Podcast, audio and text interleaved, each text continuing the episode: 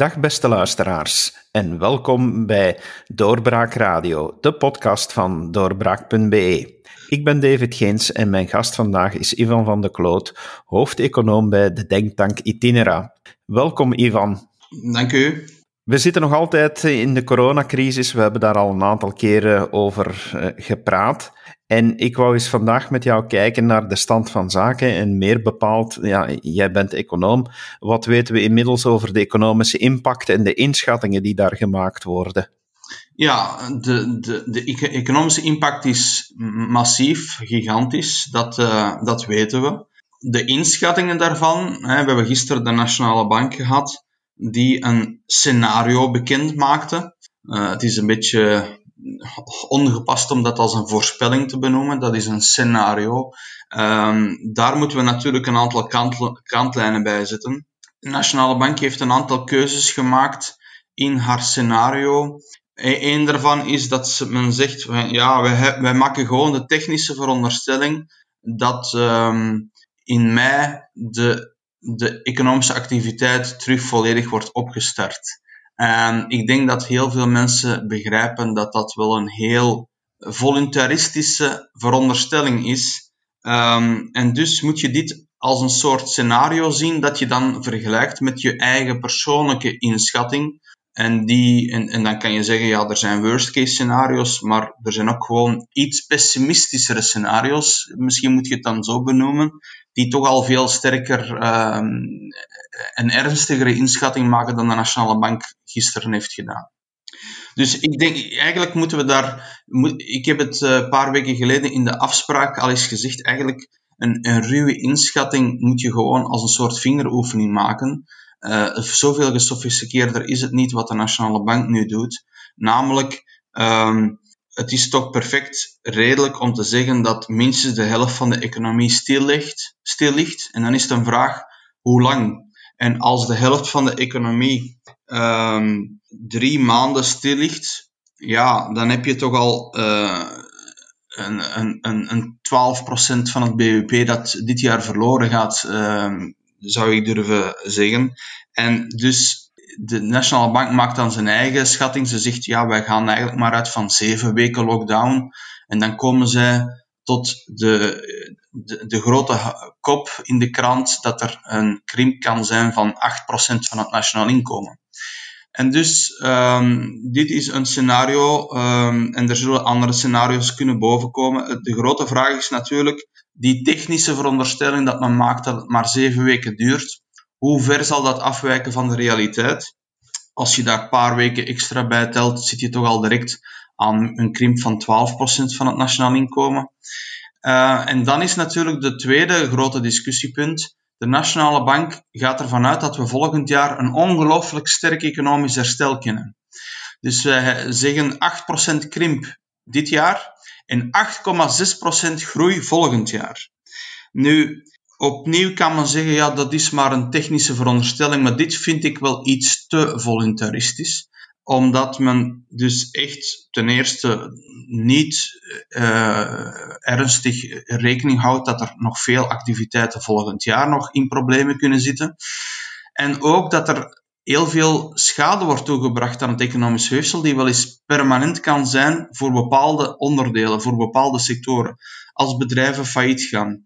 Sommige mensen die werkloos worden en daarna moeilijker terug aan een job geraken, ja, dat zijn zaken die volgend jaar ook nog wegen op de economie. En zelfs verder dan dat, um, dat er gewoon de post-corona-wereld op een aantal vlakken minder zal zijn. En daar weigert de Nationale Bank ernstig rekening mee te houden. En dat is toch wel, uh, als we meer een realistisch scenario willen, toch een belangrijke opmerking in vergelijking met de Nationale Bank. En waarom denk je dan dat de Nationale Bank hier uh, liever nu zo positief voor de dag komt? Want ja, je hoort heel veel negatieve scenario's. Waarom dan van een nationaal instituut zoals de Nationale Bank een, een ander geluid?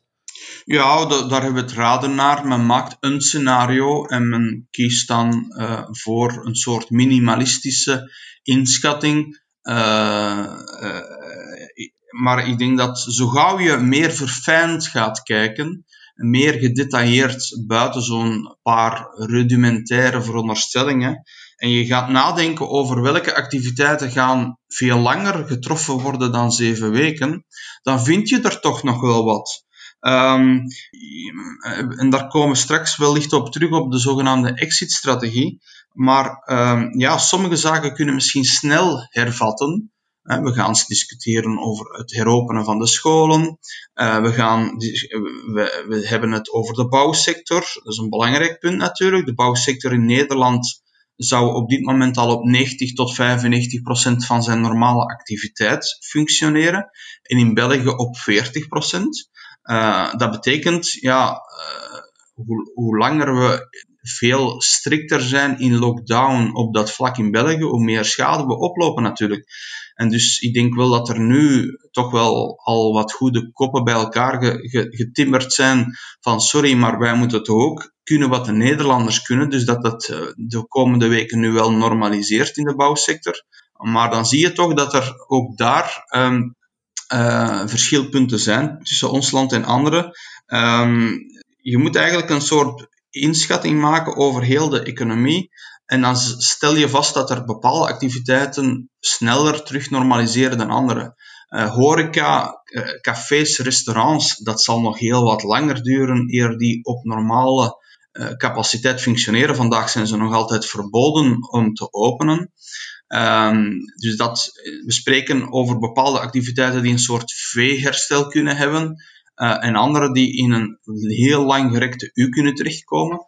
En ook wat we dan noemen de L-vorm.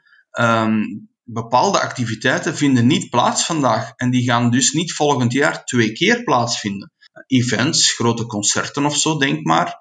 Maar ook gewoon ja, een café dat vandaag geen omzet heeft, dat gaat volgend jaar niet twee keer zoveel omzet draaien op één dag. Dus die inkomstenverliezen zijn permanent. Uh, dat heeft ook een belangrijke implicatie naar het beleid. Hè. Men zegt wel, ja, de centrale bank kan veel doen door geld te creëren. Ja, maar eigenlijk zijn mensen daar onvoldoende van doordrongen dat dat eigenlijk een soort kredietoperatie is. Het lenen tegen de toekomst. Maar je kan alleen lenen tegen toekomstige inkomsten. Als er geen toekomstige inkomsten zijn, als die permanent verloren zijn, ja, dan creëer je vooral lucht als je daar te veel krediet eh, creëert. En dus Um, je zult ook in sectoren hebben die een soort L-vorm hebben uh, van herstel. Um, en maak zelf maar eens die mentale denkoefening. Hè. Um, welke activiteiten sneller kunnen herstellen dan andere. Uh, het is redelijk evident om te zeggen, grote massa-events, die gaan wellicht in 2020 niet meer kunnen plaatsvinden. Dus dat is een permanent inkomstenverlies voor dit jaar. En dus dan kom je toch op een verfijnder beeld nu, ik vind het heel belangrijk om, om, om realistisch te zijn, uh, om de scenario's echt op tafel te leggen, want de juiste diagnose moet dan ook leiden tot het juiste beleid. Um, het IMF is typisch een instelling die wat nuchterder is. Um, en die zegt van ja, um, voor volgend jaar gaan we toch ook, we gaan, men hoopt op een herstel bij het, bij het IMF maar toch ook een, slechts een heel gedeeltelijk herstel. Wel, dat staat natuurlijk heel ver van die 8,6% groei van de Nationale Bank naar een krimp van 8% dit jaar. Um, ik vind het ook heel belangrijk, uh, omdat we, we zijn vandaag met uitzonderlijk beleid bezig. Hè. We hebben een zogenaamde Economic Risk Management groep gecreëerd. Um, en ik vind het heel belangrijk om te zeggen dat die uit verschillende kamers moet bestaan, zal ik het zo maar zeggen, met een verschillende logica per kamer. De eerste kamer is steun bieden aan getroffen sectoren uh, om zoveel mogelijk um, tijd te kopen, overbrugging te bieden, uh, wat ik uh, wel eens noem de schokbufferen. En dat doen we dan door zogenaamde liquiditeitsoperaties. Um, eh, dat betekent uitstel van betaling. Facturen moeten vandaag niet geïnd worden als ze binnen drie maanden pas geïnd moeten worden. Eh, de fiscus die uitstel van, van verplichting geeft. Um, de banken die um, voor levensvatbare bedrijven tijd gunt. Uh, dan, dan buffer je de korte termijn schok. Dat moet je heel breed doen, om zoveel mogelijk intact te laten van het economisch weefsel. Um, daarna moet je, moet je echter een heel belangrijk andere reflectie maken van hoe is de post-corona wereld? Hoe zal die eruit zien?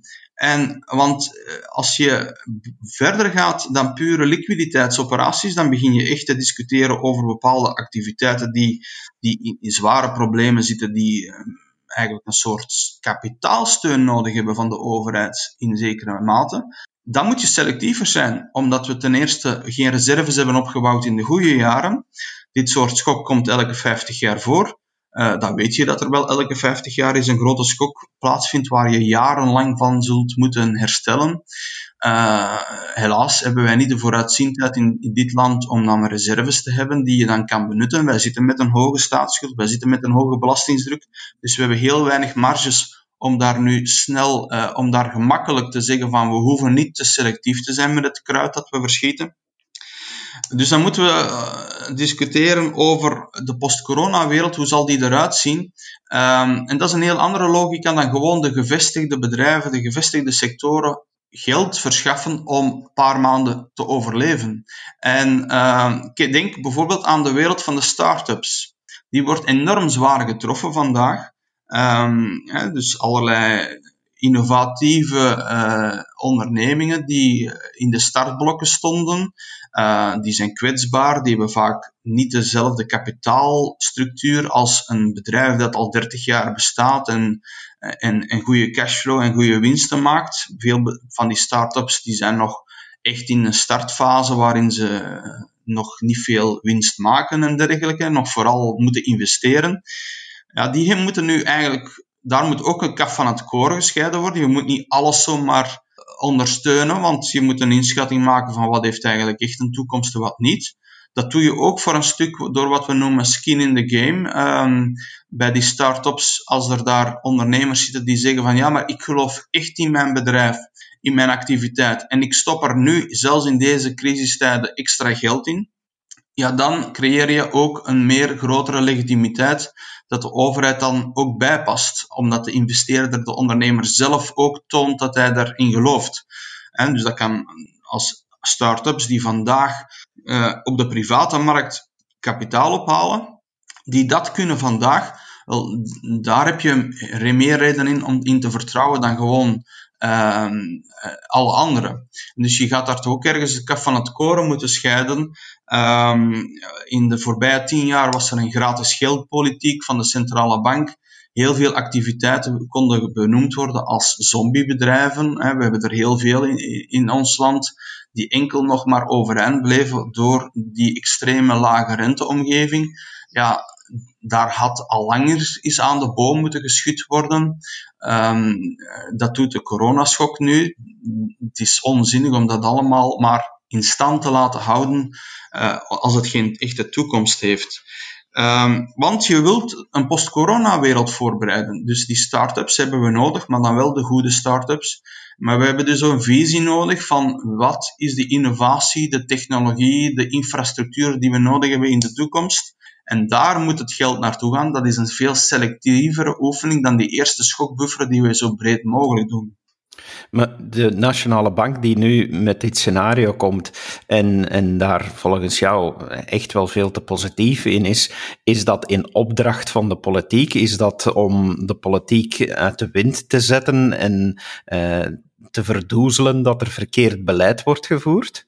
Wel, het heeft niet veel zin om daar te veel over te speculeren. Het heeft ook gewoon te maken met ja, grote onzekerheid.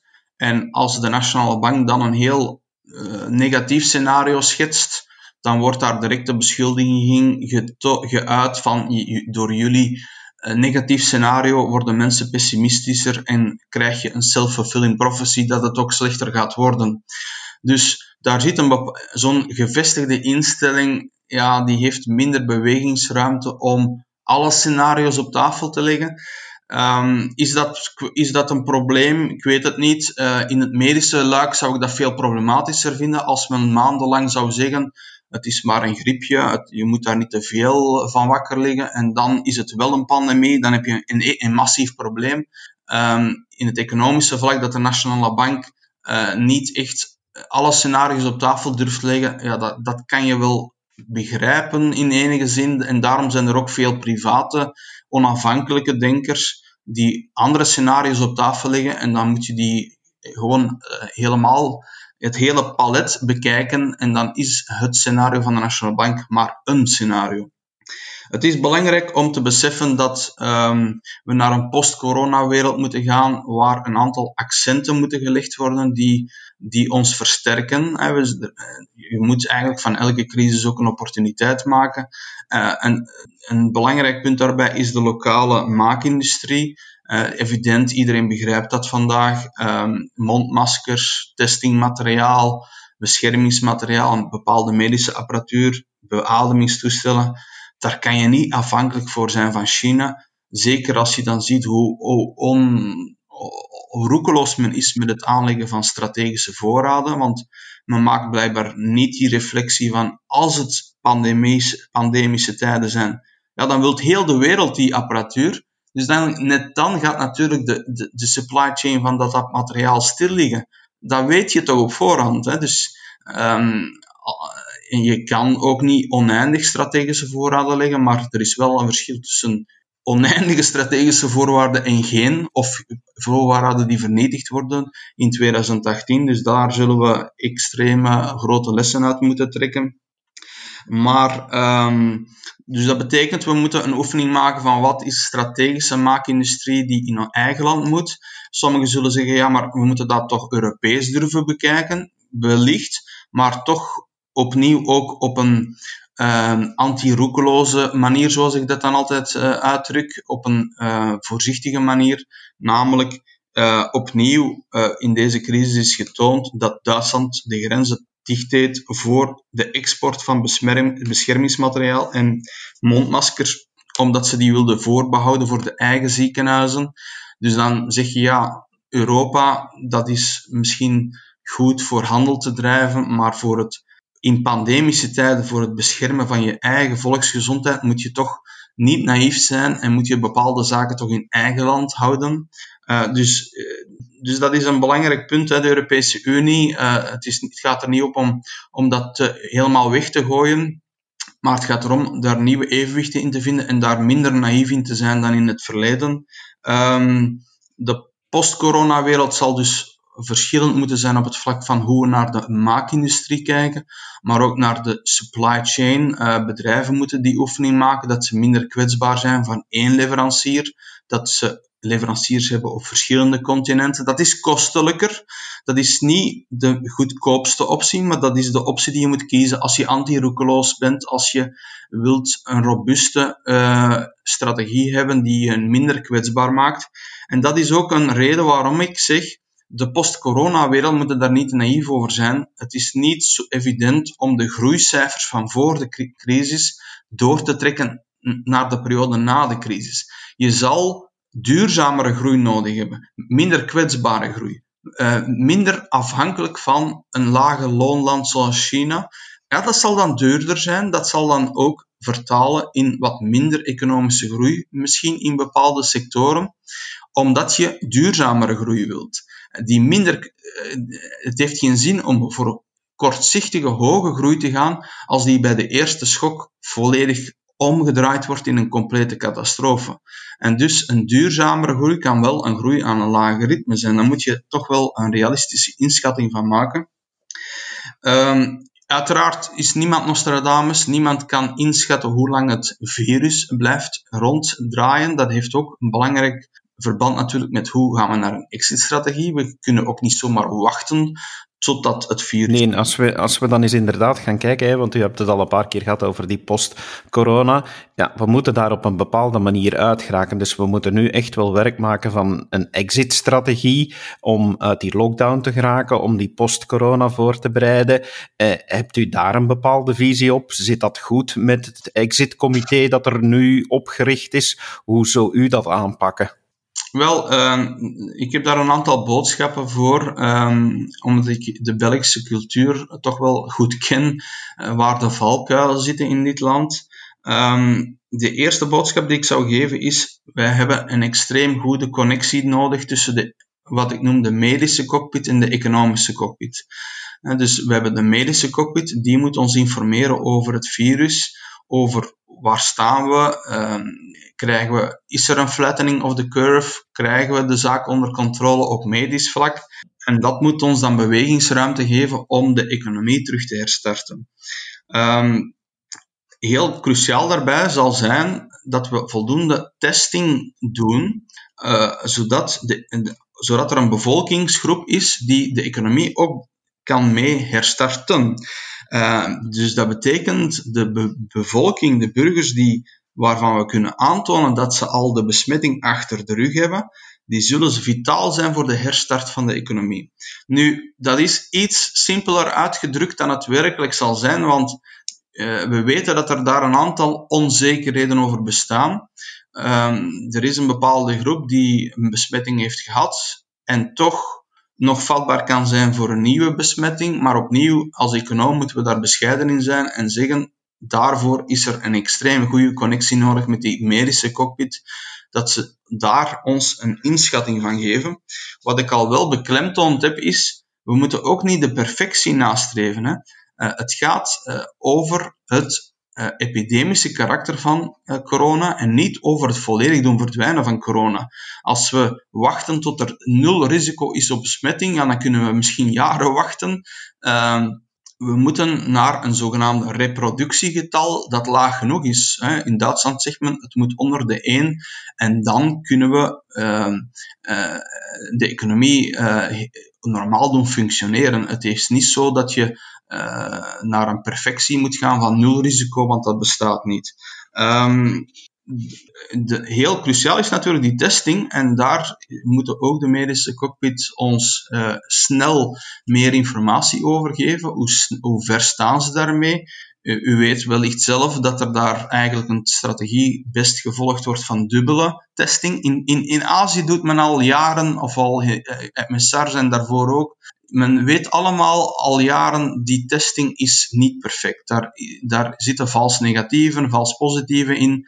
De betrouwbaarheid van testing in, in, in deze context van virussen is niet perfect. Maar hoe doet men dat in Azië? Men doet dezelfde test drie maal. En dan verhoogt dat al de betrouwbaarheid van de testing. Dan heb je natuurlijk wel enorme testingcapaciteit nodig. Kijk naar de toestand bij ons in de rusthuizen. Dus dat is een kwestie van logistiek. Maar logistieke problemen kunnen opgelost worden en die moeten opgelost worden zo snel mogelijk. Een tweede zaak is, uh, je kan die betrouwbaarheid verhogen door een, een twee sporen beleid te volgen. Er is de testing van de besmetting. Uh, PCR en andere techniek. Er is ook de besmetting van uh, de, de test op het vlak van antistoffen. In welke mate is er een immuniteit die opgebouwd wordt? De combinatie van de twee blijkt volgens nogal wat autoriteiten betrouwbaar, uh, al een stuk grotere betrouwbaarheid te genereren. Dus dat is heel belangrijk dat de medische cockpit, de economische cockpit, daar enorm snel over informeert, zodat we daar perspectief over krijgen. Want op die manier kunnen we zo zal ik maar het simpel uitdrukken, uh, de personen die immuniteit hebben opgebouwd in onze maatschappij eigenlijk de motor laten zijn voor de herstart van de economie. Um, dat is extreem belangrijk, want um, er zijn zogenaamde symmetrische maatregelen die heel kostelijk zijn. Dat betekent wat we nu gedaan hebben, de lockdown, mensen massaal thuis laten, scholen dicht, grenzen dicht, dat is, dat is wel effectief, maar het is ook enorm duur voor de, voor de maatschappij.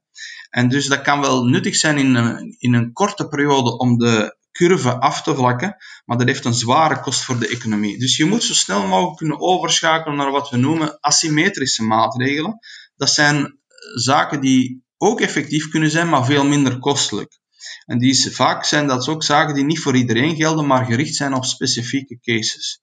En daar is opnieuw het, belang van testing en contact tracing. De, de landen die daar excellent in zijn, vaak in Azië en niet de propagandamachine uh, China, waar we niet te veel van moeten geloven, maar wel uh, Zuid-Korea, Taiwan, Hongkong, Singapore. Daar heeft men een enorm performant systeem van het opsporen van besmettingen, isoleren en vervolgens de contacten opsporen. Waar zijn die mensen mee in contact geweest? Daar komt dus het luik van de digitale technologie bij te pas.